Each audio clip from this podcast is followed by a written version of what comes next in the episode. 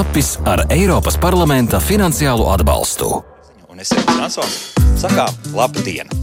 Pēc krietnes nedēļu pārtraukuma atkal esam devušies ceļā, lai pastāstītu, kā cilvēki dzīvo Latvijas pierobežā. Pēc viesošanās Ukros un Ipiķos šodien esam Indrā. Kā arī dzīve Baltkrievijas pierobežā, par to šodien raidījumā Kā labāk dzīvot. Enerģija ir cieši saistīta ar laimi, un laime ir cieši saistīta ar enerģiju. Es eh, pašreklāmā teicu, ka tieši šeit, Indrā, dzīvo pašenerģiskākie cilvēki. Vai tā ir? Tolīt mēs to arī noskaidrosim. Sākšu es ar vietas raksturojumu, un te man vislabāk palīdzēs Laimes muzeja Indrā vadītāja Ilona Kengizere. Eh, Ilona, sveiki! Labrīt, labrīt Latvija!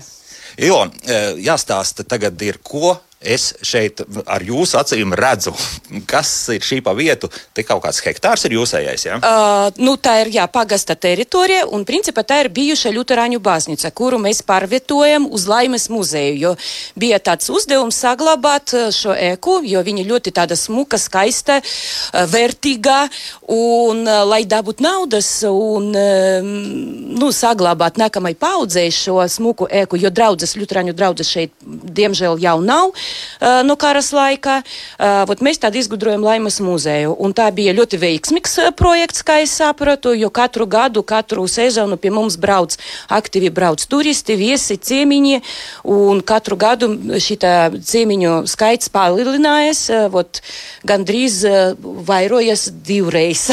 gadu, katru gadu divreiz. Ja, tad jūs pavisam esat cik gadus jau te vaļā? Tā ir mūsu čet, cetur, ceturtā sezona. sezona jā. jā, un es jau dzirdēju, ka vismaz 3000 turisti jau šogad šeit ir bijuši. Jā, gandrīz, gandrīz 3000 cilvēku. Mm -hmm. Nu, pat uh, vakardienā, jāatzīst, nedaudz samelojos mūsu radio klausītājiem un teicu, ka nu, šobrīd te labāk nebraukt. Pareizāk sakot, neviens jūs te iekšā nelaidīs. Izrādās, ka tā gluži nav. Jūs tagad rādāt liels acis, nu, tāpēc es saku, ka samelojos. Nē, protams, ka tā nav uh, taisnībā, jo atļauts pieņemt cilvēkus uh, muze visiem muzejiem, visiem tādiem uh, izklaides centriem atļauts strādāt, tikai vajag ievērot ievērot nu, visas šīs prasības, epidemioloģiskas prasības. Epidemioloģiskās prasības, vai tomēr nu, pasi arī ņemam līdzi? Ja? Nu, pasi jāņemt līdzi obligāti, jebkura, man liekas, kā ceļojumā.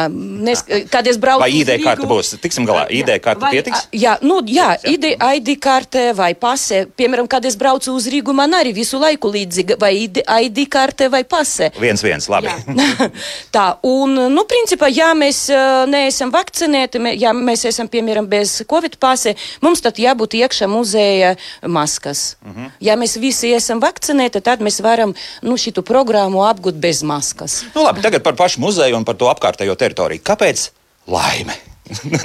no vienas puses ir skaista laime, bet tomēr. Nu, tāpēc, ka ļoti plašs jēdziens, un principā mēs varam bast jebko uz šito jēdzienu. Palikt jā? apakšā, jā? Jā, bet, nu, protams, ka tā nebija, jo mm, kādreiz bērnībā es dzirdēju vai skatījos kādu raidījumu, ka mīlestība ir ķīmija, un man tad šāva prāta ideja, ka varbūt laime arī tā ir ķīmija, un jā, tā ir endorfīni, tā ir hormoni, un principā jau sen atklāt, atklāts, kā, kā viņi izveidojas, kā viņi radas organismu turisma. Un visa mūsu programma, visa mūsu nu, ekspozīcija, viņa. Nu, Laimes hormonu ķeršana. Jā, jā, jā, tā dažādi ceļi pie laimi, dažādi veidi, dažādi pieņemieni, kuri mēs varam izmantot, lai palielinātu endorfīnu iekšā. Nu, es skatos, mūsu valsts prezidents Egils Levits tāds smaidīgs fotografijās ir. Atkal viņš mums ir bijis pa priekšu.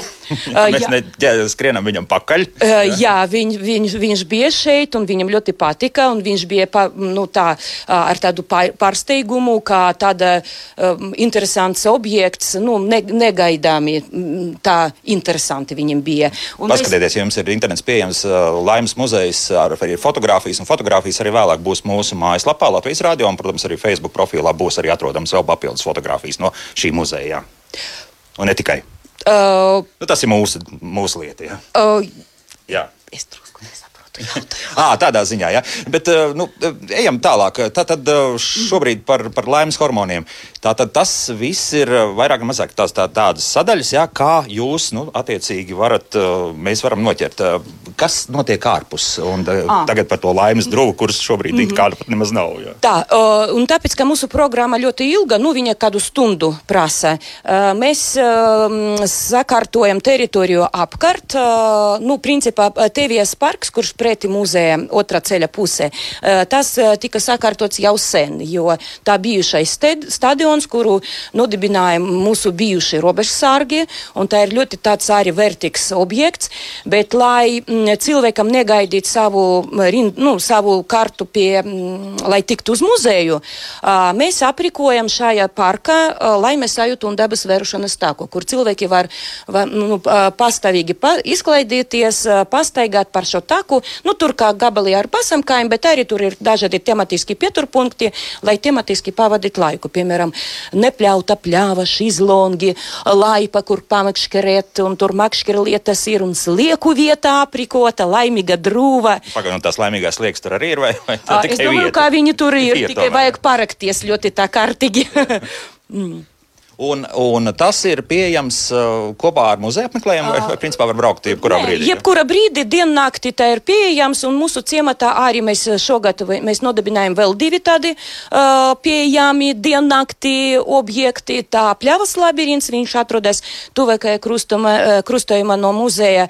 Tur ir izpļautas taciņas un vajag atrast ceļu līdz centra, kur siena kaudze. Mm. Un vēl viens objekts ļoti tāds uh, iespaidošs, tā ir mūsu zaptes darza austais labirints labirints no austiem de, eh, eh, šitiem eh, dekiem tādiem uztaisīta tāda labirinta un tā pusgada darbs mūsu sievietes, vietējas sievietes, mūsu kultūras namas direktora Anžela Kuzminska, viņa vada šitu grupu, vot viņa izaudza visas šitas dekes un. Un uztaisīja principā šo labirintu. Jā, jā, jā, jo bija tāda ideja, tāpēc, ka visi šitie ierobežojumi un nebija skaidrams, skaidrs būs atļauts kādi pasākumi pasākumi vai nē. Uh, nu, tad taisām ārā, jā. Uh, jā, mēs varam darīt kaut ko ārā, un ja parkā tu vari tikai pastaigāt un padomāt, varbūt paelpot, labirinta tu vari pats uh, aktīvi izklaidīties. Mm -hmm.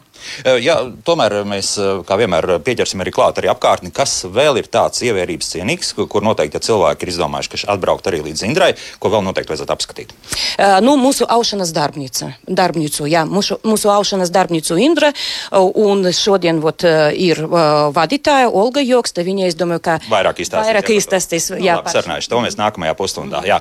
Nu, paldies, un, un tiešām, lai veicas, tad plāns šobrīd sasniegt 4000 apmeklētājus jā, šo sezonu. Jā. Mums bija plānos 6000. Nu, nu, laikam jau nesanāks. Jā, jā, jā, ja būs skolēni, ja būs skolas soma un būs šitie lieli, nu, kā darba kolektīvi, ja būs atļauts braukt, tad, protams, kā rudenī mēs varam tikt. Un skolēns jūs gaidāt, un principā arī skolēniem ļoti pateicīga jā, šī jā. izstāde ir. Un, un, un, un viss, kas apkārt notiek. Ja? Jā, jo mūsu ekspozīcija tā ir nav parasta tāda statiska ekspozīcija. Uh, pie katrai ceļai mēs kaut ko darām. Mēs ļoti aktīvi aizņemti ar visu šitu procesu, uh, lai rastu šitus endorfīnus, vairot endorfīnus iekšā. Tā nepa, nu, ne, neparasta tāds muzejs, tā izklaides centrs, mm -hmm. kur mēs. Uh, Tad trīs pamatkrāsas apskatīties, kā spēlējas, ja, un kādas krāsas var dabūt, uzliekot attiecīgas krāsainas brilles virsū. Uh, jā, protams, mēs varam uh, pielaikot brilles, pielaikot kleitas, mēs varam piesiet naglus uz laimi. Varam... Labi, viss neizstāstīsim, jā. Jā, jo, salīdz, jo atstāsim kaut ko tomēr, lai cilvēki arī šeit brauktu. Ilona Kangizere bija kopā ar mums. Jā. jā, tieši tā. Bet uh, es iešu tālāk un drusku pārvietojoties burtiski pāris metrus, es uh, esmu atnācis pie Indras un robežnieku pagastu vadītāja Aivara Krūmiņa. Aivar, sveicināti! Sveicināti! Aivar, nu tagad jums ir jāsāk stāstīt, kas uh, notiek gan šeit, gan pagastā, gan arī kaimiņu pagastā, ar ko cilvēki nodarbojas un vispārējo. Nu, cilvēki ar ko nodarbojas? Ar ko var nodarboties Latvijas cilvēki pierobežā? Mums ir ļoti tāls ceļš līdz e, lielajām pilsētām. Tāpat cilvēki pierobežā nodarbojas pārsvarā maziņās saimniecībās ar lopkopību. Lielākās saimniecības, lielās zemnieku saimniecības arī pārsvarā ar graudkopību, no kā viņi var gūt sev ienākumus, jo citādi Latvijas plašumos pierobežā izdzīvot jau nevar. Diezgan daudz cilvēki nodarbojas arī mums ar biškopību, jo Latvijā vēl nav izgriezta visa pilnīgi meži. Ir, tāpēc arī biškopi, te e, var sev teiksim, e, atļauties nodarboties. Šodien būs arī pārēdē viena saime no biškopības, kura nodarbojas. Viņa jau vairāk par to visu izstāstīs. Cik cilvēki jums ir? Nu, ir es lasīju, jā, tas ir laikam tāpat neizbēgami kā daudzās citās Latvijas vietās, ka tomēr cilvēki paliek mazāk. Daudz saka, ka tam ir objektīvi iemesli, tāpēc ka vienkārši lauksaimniecībā nevajag tik daudz darba roku. Kā šeit ir? Jā, ar katru gadu cilvēku skaits samazinās. Ja ņemt faktiski pēc visiem oficiālajiem datiem, pierakstīti cilvēki deklarēti mūsu pusē ir vairāk, bet īstenībā dzīvo daudz mazāk. Jo liela daļa ir darba meklējumos, ir īpaši jaunatni izbraukusi uz pilsētām. Pārsvarā paliek vecākā gada gājuma, nu, daļai arī vidējā gada gājuma cilvēki, kuri tie dzīvo. Kas notiks tālāk? Kā jums liekas? Mm. Nu, tā kā visi būs sirmi. Nē, Nē. Nu, teiksim, godīgi tā, ja, ja neskar politiku. Nu, paskarsim, varbūt. Ko. Nu, es nedomāju, ka mēs kaut ko politiski varam mainīt. Ietekmēt, jā. Ietekmēt, jā, jo politika jau risinās galvaspilsētā visā. Tāda ir valsts politika, jo apkārtnē, apkārtē gan e, Indras pagastam, gan Robežnieku pagastam, nu, teiksim, pat Krāslos pilsētai apkārtnē nav izveidotas nekādas lielas ražotnes, kur cilvēki varētu, teiksim, atrast savu darba vietas un atgriezties no, gan no mūsu pilsētām, gan no ārzemēm atpakaļ uz Latviju, lai varētu, teiksim, celt dzīvi te. Savukārt lauksaimniecībā tik daudz to darba roku nevajag. Ja? Lielajās zemnieku saimniecībās vajadzīgas rokas un diezgan, diezgan padaudz. Teiksim, vidēja saimniecība, ja viņa nodarbojas ar graudkopību. Lielos apjomos, sākot no 3000 hektāru vienai zem, zemnieku saimniecībai, nu, teiksim, vidēji 20 darba rokas obligāti ir vajadzīgas, jo ir vajadzīga tehnika, kura strādā nepārtraukti. Viens sāk sēt, otrs sāk kultivēt, trešais sāk sienu pļaut, ceturtais sāk rullēt, piektais sēja graudaugus, sestais pēc tam viņu skolu vāc. Tāpēc Un tad, un tad, nu, tad vajag tomēr tos cilvēkus. Bet ir kaut kāds bet. Nu, nu, kā teikt, bet, bet uh, ir cilvēku trūkums, kuri ir profesionāli, kuri var strādāt. Aha, aha. Jo tie, kas uh, pēdējā laikā pēdējā laikā zemnieki ir pacēluši teiksim, darba samaksu, tāpēc cilvēki iet pie viņiem. Līdz šim nebija tik daudz. Tik liela darba samaksa, un cilvēki nu, tik tiešām negāja. Nevar... Tad adekvāts atalgojums tomēr jā. šeit spēlē savu jā. lomu. Jā? Kā tāds obligāti. I tiem, kam bija nepieciešams tik tiešām nopelnīt, lai varētu pabarot ģimeni un izdzīvot, viņi brauca uz pilsētu, devās darba meklējumus tālāk. Tāpēc tagad tie, kas varēja būt profesionāli te, viņi ir izbraukuši. Vietēji jau visi praktiski ir pie darba. Ja zemniekam gadās, ka ir jāatrod cilvēks, tas ir diezgan grūti mm. atrast zemnieku. Dzelzceļš. Indras stācija, vai tas tomēr atstāja iespēju arī uz kopējo ekonomisko dzīvi? Jo nu, tur, kur ir dzelzceļš, un patiesībā jau arī pati Indra jau ir radusies pēc būtības jau daudzajā ziņā, tāpēc, ka šeit ir bijis dzelzceļš jau vēl, tad sanāk jau pagājuši, aizpagājušā gadsimtā. Ja? Nu, dzelzceļš vispār eh, ir gan ļoti nozīmīgs ne tikai Indrijai, viņš arī ir nozīmīgs Latvijai. Taču tā, ka tagad eh, pa dzelzceļu tika samazināts eh, tranzīta kravu apjoms, cik ir zināms, šogad jau rudenī dzelzceļš atkal taisās strādnieku samazināšanu. Es jaut, gribētu jautāt, vai arī šeit tas ietekmēs šī samazināšana par tiem 500 cilvēkiem, kad Latvijas dzelzceļš samazinās arī šeit kādu laidīs jā. vaļā? Jā, es tā domāju, ka arī te viņi saka, ka sākumā centrā, jā. administratīvos darbiniekus, tam jau teiksim, parastus strādniekus. Es domāju, ka skars arī mūsu, mūsu ciematu skars Indras.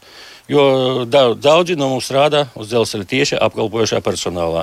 Nu, tā kā tagad nav tranzīta, sliedas netik stipri bojājās, nevajadzēs tik daudz, es tā saprotu. Mm -hmm, tā, tā varētu būt arī viena no pēd, nu, tuvākā laika tādām problēmām, un kamēr politiskā situācija nemainīsies arī kaimiņu valstī, tikmēr nekas īpaši arī labāks nebūs. Ja? Nu, es nedomāju, ka tas ir atkarīgs tikai no situācijas kaimiņu valstī. Tas ir arī atkarīgs no mūsu vadības, eh, valdības, jo viņiem ir jāmeklē taču.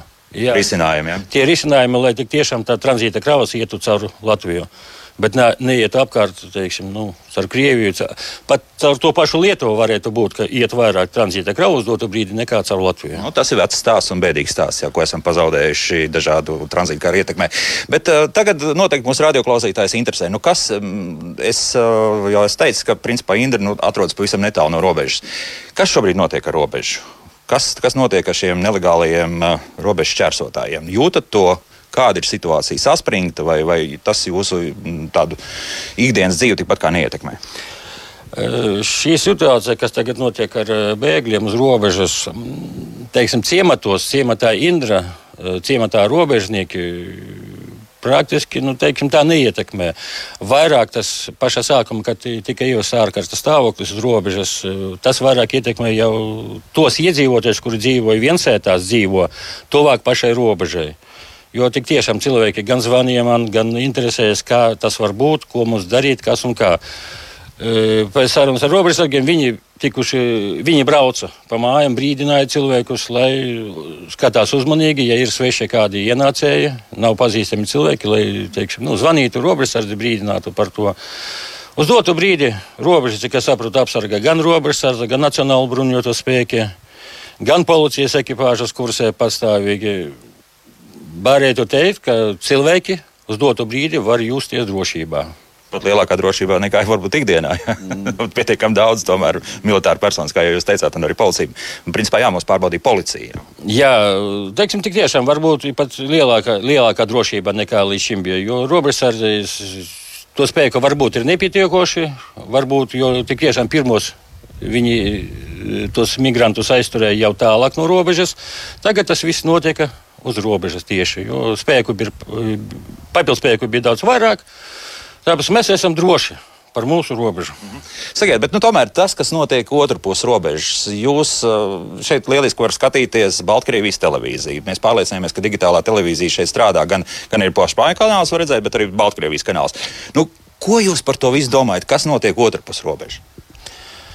Nu, kas notiek otrpus robežas? Nu, tāds jūsu viedoklis, nu, skatoties, burtiski nu, atrodaties blakus. Jā, jā to teiksim, par to skatīties un lemt par to, kas notiek no televīzijas pārēdiem, ko tie mierīgi var uztvert pat ar parasto antenu. Nu, tur viņiem ir viss ļoti labi, viss ļoti skaisti. Bet, e, palasot Latvijas mēdījus, paskatoties Latvijas programmas, Tur nav viss tik labi. Tāpēc, nu, tad ir zelta vidusceļš kaut kāds, vai tomēr nu, nu, kaut kāda informācija jānāk pāri robežai, tāda neformālai, vai, vai tikpat kā kontaktu nav? E, Informācija nāk tāpēc, ka mūsu iedzīvotājiem, gan ciema Indra, Indras pagasta, gan robežnieku pagastas iedzīvotājiem ļoti daudz radu ir Baltkrievijā. Iepriekšējos gados, līdz kamēr tika aizvērstas iet robežas sakarā ar Covid, ļoti bieži tika izmantotas pierobežas caurlaides, un viņi brauca ciemos pie saviem radiem. Tagad tas ir, nu, nav iespējams, jo Latvija, es saprotu, robeža ir vaļā, bet eh, Baltkrievija ir cieta. Baltkrievija ne, nevienu nelaiž. Tad informācijas bija daudz vairāk no cilvēkiem. Viņi atbrauc pastāsta, kas tur notiek, kas kādā veidā, cik cilvēki pelna. Uz doto brīdi, nu, teiksim tā, informācija ir, bet viņa nav oficiāla un tāpēc viņu neviens nevar apstiprināt. Jā, No viena var dzirdēt, ka cilvēki tur sūdzās par iekšējo kārtību, kas tur notiek. Citi vecākā gada gājuma cilvēki diezgan atbalstoši ir. Nu, pensiju saņem, jā. Politisko pār, pārstāvību tur Baltkrievijā. Tāpēc viennozīmīgi pateikt, kas tur un kā notiek, nu, ir grūti. Mm -hmm. Līdz kā pavisam tuvu, bet tomēr tiešām tādas informācijas aprits ir krietni mazāk palicis. Jā, jā daudz mazāk informācijas dotu brīdi, jo, jo mūsēja, mūsēja nevar izbraukt uz Baltkrieviju. Tāpēc informācijas ir mazāk. Nu, redz. Aivar, paldies! Dzirdējāt Aivaru Krūmiņu, Indras un Robežnieku pagastu vadītāju, lai veids darbos. Jā, un, un tomēr skatīsimies optimistiski uz dzīvi. Jā. Nu, a, kur mēs tad liksimies? Kur liksimies? Kur mēs liksimies jā. Tur jau tā lieta. Bet tagad eh, vēl noslēdzot šo pusstundu, es aprunāšos ar Ilonu Bunto, kur ir sociālā darbiniece. Ilona, sveicināti! Labdien! Cik daudz jums darba ir kā sociālajai darbiniecei šeit, Indrā? Ļoti daudz darba. Ļoti daudz darba, jo daudz cilvēki nestrādā. Tad, un līdz ar to arī visas pārējās sociālās jā, problēmas. Arī sociālās problēmas ir. nestrādā tāpēc, ka negrib, vai tomēr ir, ir tā problēma, nu, ka es vēlos strādāt kaut kādu darbu, bet nu, tieši šī darba te arī nav. Uh, nu, arī tā ir, jā, ka darba nav. Jā, bet ir arī otra problēma, ka ir tādi cilvēki, kuri jau nu, neprot strādāt, jā, jau uh, nemāk strādāt, jā, jau. Nu, negrib strādāt. Līdz ar to arī darba ir daudz. Jo tā uzmetot apkārt uh, skatu, nu liekas, ka mājas ir sakopts uh, dūmeņi, kūpi. Nu, tas nozīmē, ka kaut kāda drosība tajās mājās notiek. Nu, protams, ka notiek, jā, jo mūsu politika ir tāda, ka tur nedod cilvēkam tur noslīgst vispār. Jā, tomēr taču ir jāstrādā, lai tur cilvēki varētu izdzīvot. Nu, tā laikam. Ko jūs galvenokārt, kāds, eh, kas jums ir tā, nu, tas, tas būtiskākais, kas ir jādara, kāda tā palīdzība ir no jūsu puses? No manas puses, nu, kāda var būt palīdzība? Jā, protams, ka darbs ar ģimenēm notiek. Jā, darbs ar ģimenēm notiek. Uh, nu, arī tur administratīvais darbs, jā, izziņas, statusi, nu, palīdzība, jā, pabalsti. Nu, viss notiek, kā, vis, kā visur Latvijā, laikam. Nu, nepārtraukti, jā, katru darba katru dienu. Darba diena, jā. Mm -hmm. Cilvēki nāk un zvana un prasa un iet. Ko prasīs vairāk? Kas, kas ir tas, kā, kāda palīdzība ne, visvairāk nepieciešama? Nu, ko katrs var prasīt? Naudiņu. Oh, Naudiņu, protams, jā. Palīdziet ar kaut ko. Ar kaut ko palīdziet. Bet nu, tāda, tāda pretīm nākšana, nu, teiks, nu, tad izdarīs to un, pieņemsim, sagrābsim kaut kur sienu un par to tur kaut ko dabūs pretī. Nu, tā, tas tā strādā vai nestrādā? Nu, nu tā, nu, piemēram, tur cilvēks nāk uz GMI, atstrādā tas stundiņas, kas viņam pienākas. Mm. Jā, labprāt strādā, cilvēki atstrādā un dabū savu naudiņu. tā arī strādā. Daudz, daudz strīdus un saka, ka tā nav pareizā politika un ka, ka tas kaut kas esot jāmaina. Aivars tur aizgājis kāds pāris metrus no mums un māja galvu, kas tā vajadzētu darīt. Nu, tad mainīsim vai nemainīsim, vai varbūt visi ir apmierināti šāda tāda dzīve. Nu, nē, protams, ka ir jāmaina. Kaut kas ir jāmaina. Jā, par to ir ļoti daudz jāpadomā, jā, kā tur būtu nu, pareizāk izdarīt. Jā, jo tagad cilvēki ir pieraduši, ka viņiem visu dod Ja, tagad mēs audzinām tur prasītājus, ot, nevis darītājus. Mm. Aivar, varbūt vēl varētu pienākt klāt. Parunāsim par šo nu, nu, tādas ļoti drakonisku. Nogriežam kaut kādas visas palīdzības nos, nu, strādās un, un liekam atpakaļ, lai, lai, lai, lai vismaz kaut ko iepadarītu. Eh, teiksim tā, ar tiem pašiem GMI garantēti minimālu ienākumu arī valsts nu, nav pareizi tas izdarīts. Jo tik tiešām, un arī nav pareizi izdarīts tam ar biržas darbiem, cilvēki, kas nāk ar biržu strādāt. Viņus tik tiešām, kā Ilona teica, pareizi, viņus mācā prasīt. Jo cilvēki atnāk, nostrādā tās sešas stundas dienā, nu, nav tik darbi smagi, kurus viņi dara. Un viņi pat pierod, ka es atnākšu uz darbu, man tik un tā samaksās par to darbiņu. Tāpēc e, tos pabalstus es teiktu, tik tiešām, ka par gamiju ir jāstrādā 60 stundas mēnesī. Jā, GMI tur ir atkarīgs no ienākumiem, no, no personas ienākumiem, bet e, biržas darbs ir atkarīgs. Nav atkarīgs no tiem ienākumiem. Tur ir konkrēta summa, 250 eiro mēnesī viņa saņem par sešām darba, darba stundām dienā. Un ar to viņiem pilnīgi pietiek. Ja? E, nu, varētu teikt, ka pietiek, jo te laukos kam ir savs dārziņš, kam ir savi lopi, ar to pietiekoši ir. Bet, teiksim, lai varētu teiksim, izskolot bērnus tālāk, ar to nav pietiekoši. Un, kā jau man teica, pareizi mums cilvēki atmācījās strādāt. Līdz ar to arī sakarā ar tam pašam, ko valsts maksā, atmācījās strādāt. Pēdējais man nepatīk tas e, dzīvokļa pabalsts, kas tika ievests. Jo teiksim, viņš vairāk skars, viņus vairāk saņems pilsētnieki, bet ne lauciniekiem. Sakarā ar to, ka laukos ir grūtāk. Dzīvo mājās, ja tomēr jā, jā, dzīvo, jā, jā, jā, jā. Tāpēc nu, būtu, būtu, valstī būtu jāpaskata tā visa attieksme. Un visu to uh, sociālos pabalstus valsts ir uzkrājusi tieši pašvaldībām. Pašvaldībām tas viss ir jāmaksā. Bet, Ilona, teiksim tā, nu, ka nu, pirms 11 gadiem mēs braucām uz Latviju arī un, un braucām arī uz bērnam. Tur bija arī pāris arī ciemi, kuros nu, tiešām bērni nebija pēduši. Šobrīd šāda situācija vēl ir atrodama, vai, vai nu, nu, var teikt, ka vismaz bērni ir drošībā? Nu, nē, protams, ka nē. Jā, tur aktīvi strādā gan sociālie dienesti, gan bērntiesa. Jā, un tagad tādas situācijas, protams, ka nav visi bērni ir pieskatīti, paēduši, jā, pa, nu, apmācīti un viss notiek. Notiek darbs ar ģimenēm. Jā. It, mūsu pagastā tas notiek. Jā, tas ir. Un uh, durvis ciet nav aizvērts, ja jūs drīkstat nākt. Un, un... Nu, jā, protams, mēs tur uh, bieži braucam ģimenēs, apskatāmies, apsekojam, jā, tur mums uh, nu, strādājam ar ģimenēm. Jā. Un tā jūs iekšējā sajūta, ko saka nākotnē, nu, izdosies izķepuroties, vai tas tā apmēram nu, tā paliks un tā arī mēs dzīvosim uz priekšu? Nu, grūti pateikt, jā, būs tāda pati politika ar tiem visiem pabalstiem, jā, kā ar, to, ar to valsts barošanu, nu, tad nekā ne, nebūs. valsts baroja, tomēr, jā. Jā, tomēr valsts baroja. Un es tomēr novēlēšu pēc iespējas mazāk darba, jā, lai, lai, no, lai paliek, jā, bet, bet, bet katrā gadījumā paldies par to, ko jūs darāt, Ilona Bunto, jūs dzirdējāt. Laiks mūzikai, pēc mūzikas mēs turpināsim, tad parunāsim arī par jaunaudzi, respektīvi šeit Indrā tomēr ir arī skola, un kas nav būtiski, kas ir ļoti svarīgi. Un par to tad arī nākamajā pusstundā. Kā labāk dzīvot? Raidījums kā labāk dzīvot, un mums joprojām mēs atrodamies tiešraidē no Indras ciema. Pavisam, pavisam tuvu Baltkrievijas robežai jau daudz esat dzirdējuši, kā dzīvo cilvēki Indrā. Un ne tikai problēmas jau daudzas ir tādas pašas kā daudzās citās Latvijas vietās, un arī es domāju, ka tie paši prieki jau arī ir tādi paši, bet par to prieku mēs runāsim nedaudz vēlāk. Bet varbūt arī tagad jau sāksim runāt. Un kā nu tagad raidījums kā labāk dzīvot, arī bez kādas telefona intervijas.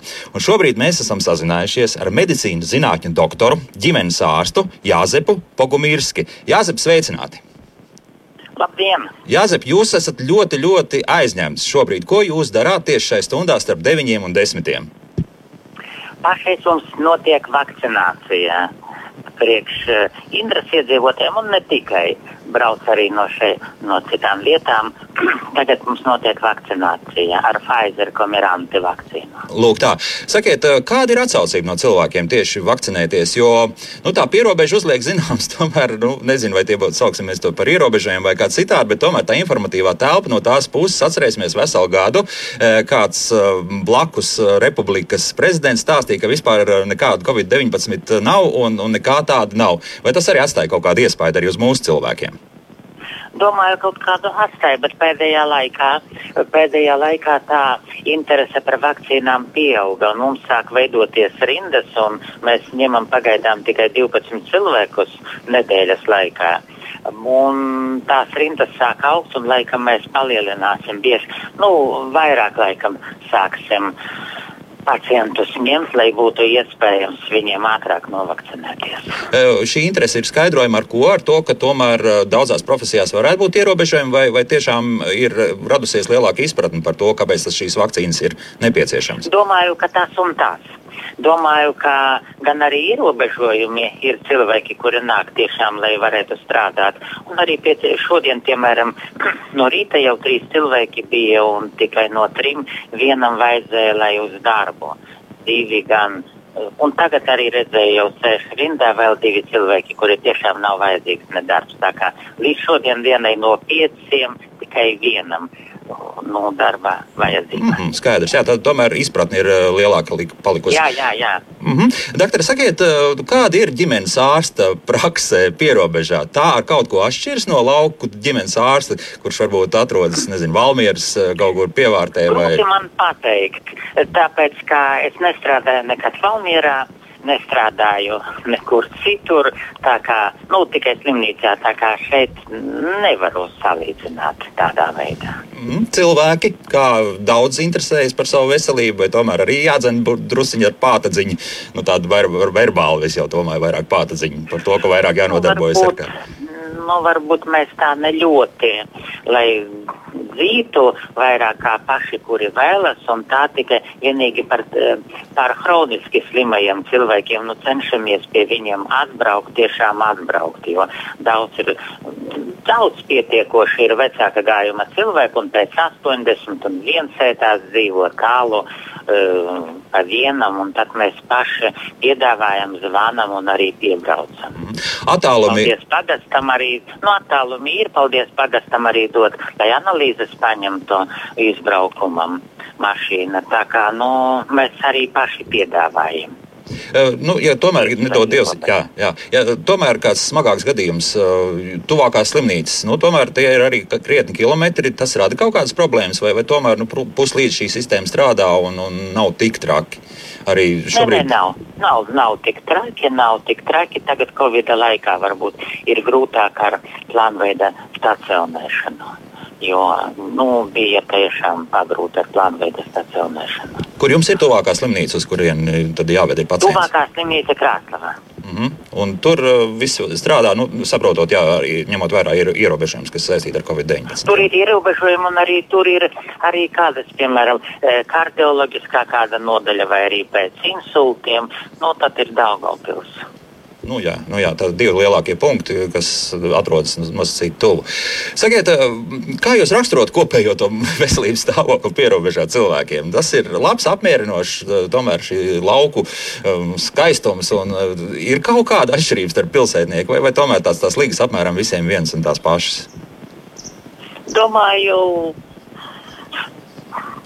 labs un apmierinošs, tāpēc, ka Nu, laikam šeit ir vairāk cilvēkiem tiešām ir iespēja uh, nodarboties ar fiziskām aktivitātēm, varbūt fiziskām aktivitātēm vajadzības pēc.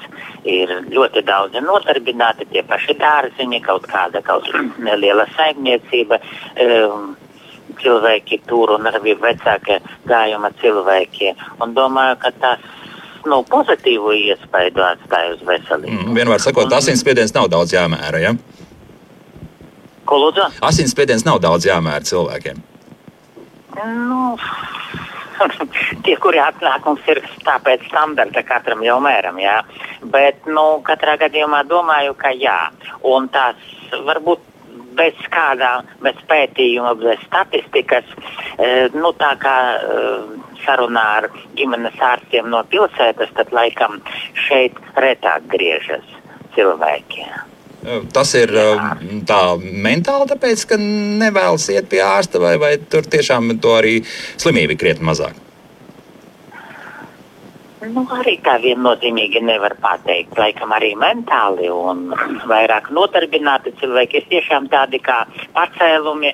Un, piemēram, kartupeļu rakšana ir pieņemšana daudz mazāk vai e, tur sējas darbi, kādi labi laiki. Tad par veselību aizmirstam, jā? Ja? Jā, jā. Nu, ja jau cilvēks aizmirst, tad viņš var aizmirst. Tad varbūt tas nav tik akūts. Mm -hmm. Un tā arī pats par sevi arī pāriet tā slimība. Jo cilvēks arī pats ārstējas. Ne obligāti taču tikai ārstē ārsts. Nu, jā, tad, tad placebo efektu arī neviens nav atcēlis. Nu, protams. Doktor, paldies! Ja, lai jums šodien ir veicis, lai izdodas visus vakcinēt un arī bez, bez blaknēm, un, un lai arī veicis arī visos pārējos darbus. Ja? Paldies, paldies! Saka medicīnas. Paldies, paldies! Es teikšu paldies! Mm -hmm. pateikšu vēl vienu minūti, ka tiešām mums uz šodien, līdz šodien dienai, nu, varbūt par vienu blakni tur grūti runāt, jo tur tā līdz beigām ne, bet cik mēs vakcinējam, izņemot vienu varbūt cilvēku, tur tiešām tā bija. Nu, blakņu nebija. Mm -hmm. Blakņu nebija. Pagaidām nav bijušas. Lieliski. Jā. Eh, medicīnas zinātņu doktors, ģimenes ārsts Jāzeps Pogumirskis bija kopā mums ar telefonu palīdzību. Bet, nu, tagad atgriežamies atkal. Mēs tādā mazā nojumītē atrodamies eh, aiz muzeja, Laimas muzeja. Ja kāds neklausījās mūsu sākumā, šī mūsu dislokācijas vieta pašā Indras centrā. Un mēs tagad turpināsim par skolām, ja drīkst, pareizāk sakot, par vienu skolu, un pēc tam vēl drusciņi par skolas pieķersim klāt. Inga Jēkabsone, eh, Indras pamatskolas direktors. Sveicināti! Labdien! Stāstiet, kas pie jums notiek? Tas jau, ka skola šeit atrodas, eh, es domāju, ka tas ir joprojām milzīgs, milzīgs pluss Indrai. Es nešaubos. Ja? Nu, droši vien. Jā, diemžēl skola 1. septembrī ļoti, ļoti plaši vērs durvis pēc šiem smagajiem, sarežģītajiem diviem pēdējiem mācību gadiem. Mēs ļoti mēģināsim izdarīt visu to, lai skolēni atgrieztos solis solā. Visi jau esam spļāvuši jau? Nē, mums aktīvi pirmdienas spļausim visi. Jā, visi izpildīsim visus normatīvos noteikumus, lai tiešām skolēni atgrieztos klātienes mācībās, jo šie divi gadi iepriekšējie mācību ir bijuši pietiekoši sarežģīti gan skolotājiem, gan skolēniem un, protams, arī vecākiem gadiem. Kā bija pierobežā? Jo te ir viena tāda pamatīga problēma, ko mums eh, jau daudzi teikuši, ka šeit, eh, ja ir mobilais internets, tad vienā brīdī mēs varam pieslēgties arī Baltkrievijas operatoram, un tas savukārt uzreiz var eh, milzīgu nu, rēķinu izrakstīt ja, jebkuram lietotājam. Kā skolēniem klājās ar to? Nu, es domāju, ka visi ir pietiekoši izglītoti un viņi prot manuāli izvēlēties operatoru, bet nu, attālinātajās mācībās visas ģimenes, visi skolēni bija nodrošināti. Sākumā bija tā pagrūta grūtāk, bet arī ar valsts palīdzību, ka tika izsniegti gan mobīlie, gan planšeti, gan arī datori. E, katrā ģimenē bija. Izdevās nodrošināt. Izdevās, jā. jā. Protams, tas bija sarežģīti, īpaši daudz bērnu ģimenēs, kur, piemēram, sešiem, sešiem kipariem bija jāmācās, un, un tas bija pietiekoši sarežģīti, bet, nu, esam tikuši galā, un par rēķiniem lieliem neviens nav sūdzējies. Mm -hmm. Šobrīd tātad jums pavisam skolā mācīsies 60 izglītojamie, tās ir pirmās, devītās klases un pirmskolas grupiņa. Protams, tas ir ļoti, ļoti tā mums. Uz robežas, jā. Uz robežas mēs esam, mēs saprotam, ka uh, vairāk arī to skolēnu līdz 1. septembrim, nu, varbūt kāds pieteiksies pirmskolā, bet skolēnu skaits ar katru gadu, diemžēl, sarūk, bet, nu, skolā mēs mēģinam darīt visu, lai tiem to, ko mēs varam izmantot visādi papildus finansējumi gan no projektiem, gan no dažādām citām lietām, iesaistoties da daudz un dažādās programmās, mēs mēģinam nodrošināt un cenšamies un daram tā, lai būtu gan eh, mācību darbs, gan ārpus skolas dzīve. Nu, vienīgais, ja nebūs atkal kaut kādas korekcijas ievies iesaistas šajā mācību gadā, bet nu, ļoti ceram uz aktīvu līdzdarbošanos un klātienē. Kā jums izdodas nodrošināt izglītības kvalitāti? Jo ir uh, runas par to, ka, piemēram, nē, mums labāk uh, ņemsim labus pedagogus un Krāslavā pieņemsim vienu mil, milzīgu skolu, kur būs, teiksim, pedagogi un uh, labāk vedīsim, nu, teiksim, arī no tās pašas Indras uz turieni bērnus katru dienu, un tā būs labāk. Nu, kas to lai zina, varbūt arī kādam ir tādas domas, bet nu, gan akreditācija, kas norisinājās arī šajos attālinātos apstākļos, daļēji gan arī klātienē bija eksperti uh, skolā ieradušies. Tomēr visos rādītājos, lai nu vai kā mēs esam centušies, ne tikai akreditācijas dēļ, bet arī ikdienā. Un jebkurā gadījumā, protams, tas jau arī atkarīgs ir ne tikai no skolotāja, kur varbūt e, tās visas iespējamās tehnoloģiskās prasmes un pratības, ko pats skolotājs prot. Protams, varbūt arī tas, ka mēs, kā sakam, nāk, piemēram, arī Eh, citreiz bērni, un viņi saka, labāk mācos eh, stiprā klasē eh, un būšu tāds centīgāks nekā, piemēram, vājā klasē un kaut kur peldēšu augstāk pa, vi, pa virsmu visiem, bet, nu, jebkurā gadījumā tas ir atkarīgs arī no tā paša bērna motivācijas. Bērna motivācija, Jā. pedagogs? Un pedagogs, protams, viņa prasmes un visas pratības, ko mēs tagad mēģinam arī apgūt paši, gan jaunās, un arī man ir noveicies, un mums ir vienkārši brīnišķīgs pedagoģu kolektīvs ir bijis, un, un es arī ceru, ka neskatoties uz to, ka ar katru gadu mums šis finansējums un iespējas, ko mums skolotāji savā aldziņās nopelna ar katru gadu sarūk. Eh, pedagoģi ir eh, ļoti. Kāpēc sarūk tas dēļ, tās, ka, jā, dēļ tā, ka skolēni? Jā, eh, skolēnu skaits, mēs esam atkarīgi no skolēnu skaita. Tas jūs griež pamatīgi iekšā šobrīd. Protams, protams, jā. Jā, mm -hmm. jā. Aivar, atkal es jautāšu, cik nozīmīgi tomēr ir tas, ka pagastā skola ir palikusi? Nu, tas ir ļoti nozīmīgi. Ja nebūs skolas, ir daudzi piemēri apkārtnē. Eh, bija ciematiņi, kur bija skolas. Skola tika aizvērta ciet, un teiksim, ciemats ir uz Rimčijas robežas. Uzreiz, jā. jā, jo tik tiešām, ja skola aizvērs, brauks bērni uz skolu, būs jāved viņus uz Krāslavu, uz Dāngdu, uz Daugopili, kur aizies. Līdz ar to arī, teiksim, lai tiem bērniem būtu, lai viņi būtu mājās katru dienu, ģimene var vienīgi pārvākties uz pilsētu dzīvošanu. Tāpēc ciemats, teiksim, tiešām sāks izmirst. Mhm. Un, ja, ja, ja mēs pieņemam, tomēr, ka kaut kur vienā brīdī varētu būt atkal grūdienis, ka cilvēki varētu sākt braukt jaunas ģimenes arī uz šejienes dzīvot, ja, nu, tad, nu, to, mēs varam pieņemt, ka tāda situācija varētu rasties. Ja, tad, tad ir jāsaglabā tā skola bez variantiem. Ja. Nu, kā tad ir jāsaglabā, bet lai tik tiešām ģimenes atgrieztos, ir jābūt darba vietām. Lai varētu ģimene, teiksim, iekārtoties strādāt, lai varētu dzīvot mierīgi. Tāpēc skola ir jāsaglabā pēc iespējas ilgāk. Cik, eh, cik ir tas, tas kritiskais brīdis, eh, cik vēl skolēnus jūs varat zaudēt? Nu, ne, neizbēgam lēnā garā, nu, nu, cik jau turē, varat turēt? Zaudēt mēs, protams, negribam nevienu, bet lai klase vismaz nu, daļēji finansētos, protams, sirsnīgs paldies arī pašvaldībai, kuru katru gadu mums arī kaut ko piemaksā klāt. Nu, tie ir vismaz nu, ne mazāk kā astoņi bērni, ir, un tāpēc mēs esam izdzīvojuši jau arī to periodu, un pašlaik arī dzīvojam, kad mums ir šīs apvienotās klases. Mm -hmm. Kāda sastāja uz izglītības kvalitāti? Tā sāka tomēr iespēja. Ja? Es domāju, ka tas atstāja, tas ir ļoti sarežģīti gan pašam skolotājam, jo tev 40 minūšu laikā ir jāsagatavo materiāls un jāpasniedz gan tiem vienas klases bērniem, gan otras klases bērniem, un arī atgriezenisko saiti gribas arī saņemt ikdienā. Un tas tiešām ir ļoti, ļoti sarežģīti visu darbu, un arī bērniem ir grūti, un vecākiem grūti, un arī skolotājiem. Tāpēc mēģinam nodrošināt visādas dažādas konsultācijas, iesaistamies tajā pašā atbalsta projektā, kad mums ir kaut kāds nodrošināts pedagoģa palīgs vai konsultāciju kaut kāds grafiks vēl papildus ir klāt, tam nāk. Tas ir sarežģīti. Mm. Bet nu, mēģinam. Tūlīt Erika arī iesaistīsim sarunā, ja viņi nāks mums klāt, jo, jo gal galā ar ko tad vēl bērni nodarbojas šeit? Mūsu bērniem ir tā brīnišķīgā iespēja nodarboties gan skolas interešu izglītībā, gan arī profesionālajā ievirzē, kas ir Indras mākslas un mūzikas skolā. Lūk, un te jau mēs arī piesakām Eriku Zarovsku. Erika, sveicināti! Sveicināti, labi! Tā tad vēl arī šāda skola pastāv, un tas jau priecē. Nu. Ir, ja? Jā, mums tāda ekskluzīva situācija, laikam, priekšlauku teri teritorijas, ņemot vērā, ka nu, tiešām bērnu paliek mazāk. Mums aizvien Indrā ir Indras mākslas un mūzikas skola, un nu jau viņai šogad būs 30 gadi. Jā, tā tad svinēsit, jā, tūlīt nu, pat. Jā, šajā situācijā varbūt mums klusāk. Klusāk mēs gribētu svinēt to ar darbu. Ja mēs iesāksim normālu mācību gadu un bērni būs klātienē, tad jau tie būs arī, es domāju, mums lieli svētki. Jo, kā arī Inga runāja, pagājušais gads bija tiešām smags visiem laikam, jo tas bija attālinātais mācību process. Un tā kā mums skolā ir divas izglītības, izglītības programmas, vizuāla plastiskā māksla un dejas pamati. Ļoti liels izaicinājums bija tieši dejas pamatos, kad bērni visu gadu praktiski strādāja mājās.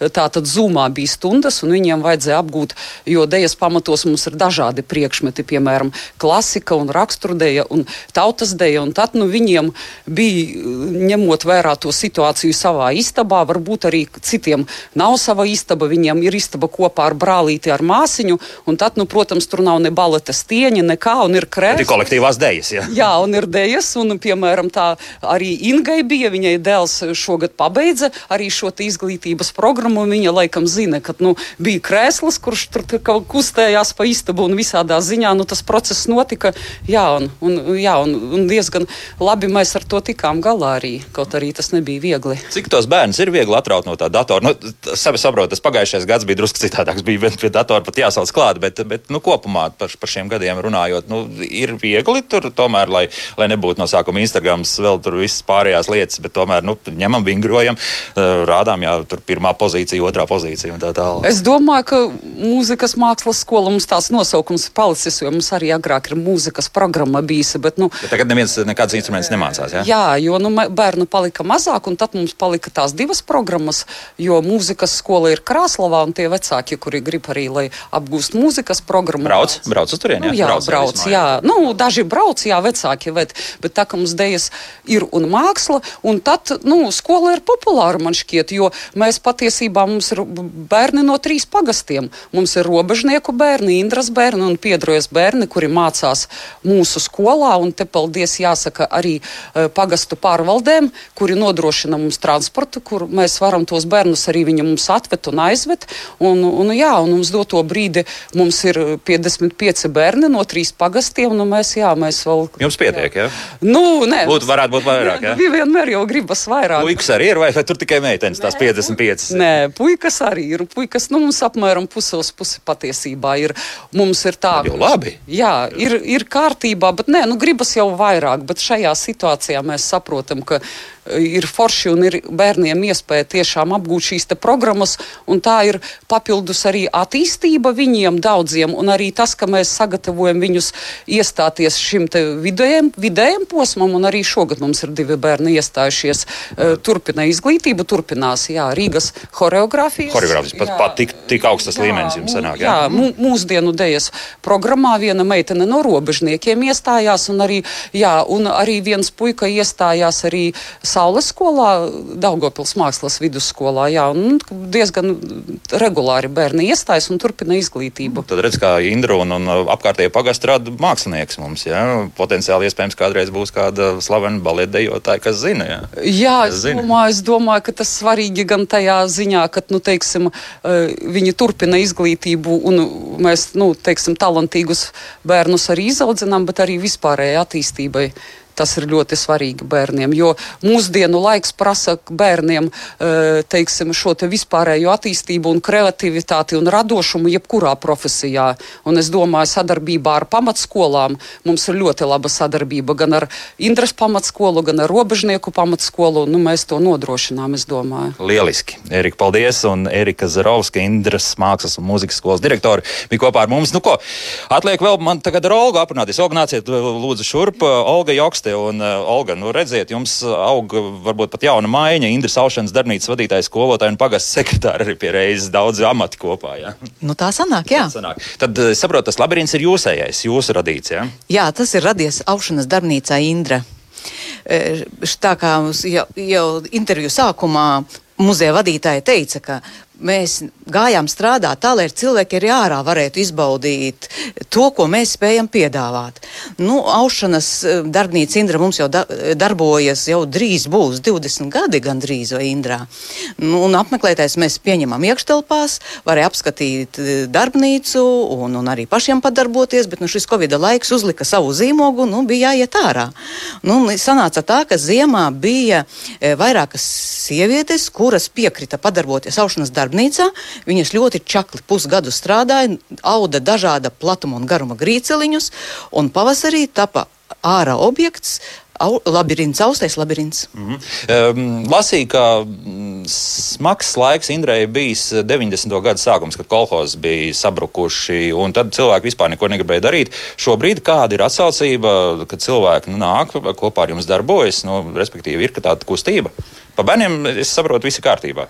Nu, jā, mums jau arī Indras pagastā ir iespējas darboties pieaugušiem dažādās radošās jomās. Ir senioru deju kolektīvs, ir e, folkloras kopa, ir mūsdienu deju grupa un zīmētāji, mākslinieki mums ir un arī audējas mums un rokdarbnieki ir. Mm. Jā, sauc pašiem vai, vai tomēr nāk arī ir, ir gatavi cilvēki arī paši izklaidēties pēc būtības jā, un apgūt arī tādas jaunas prasmes? Nu, dažādi ir. Cilvēki jau arī viņiem ļoti patīk, ka viņus uzaicina kaut kur padarboties, un, un, un mēs priecājamies, ka kāds piekrīt. Izstādes arī taisāt?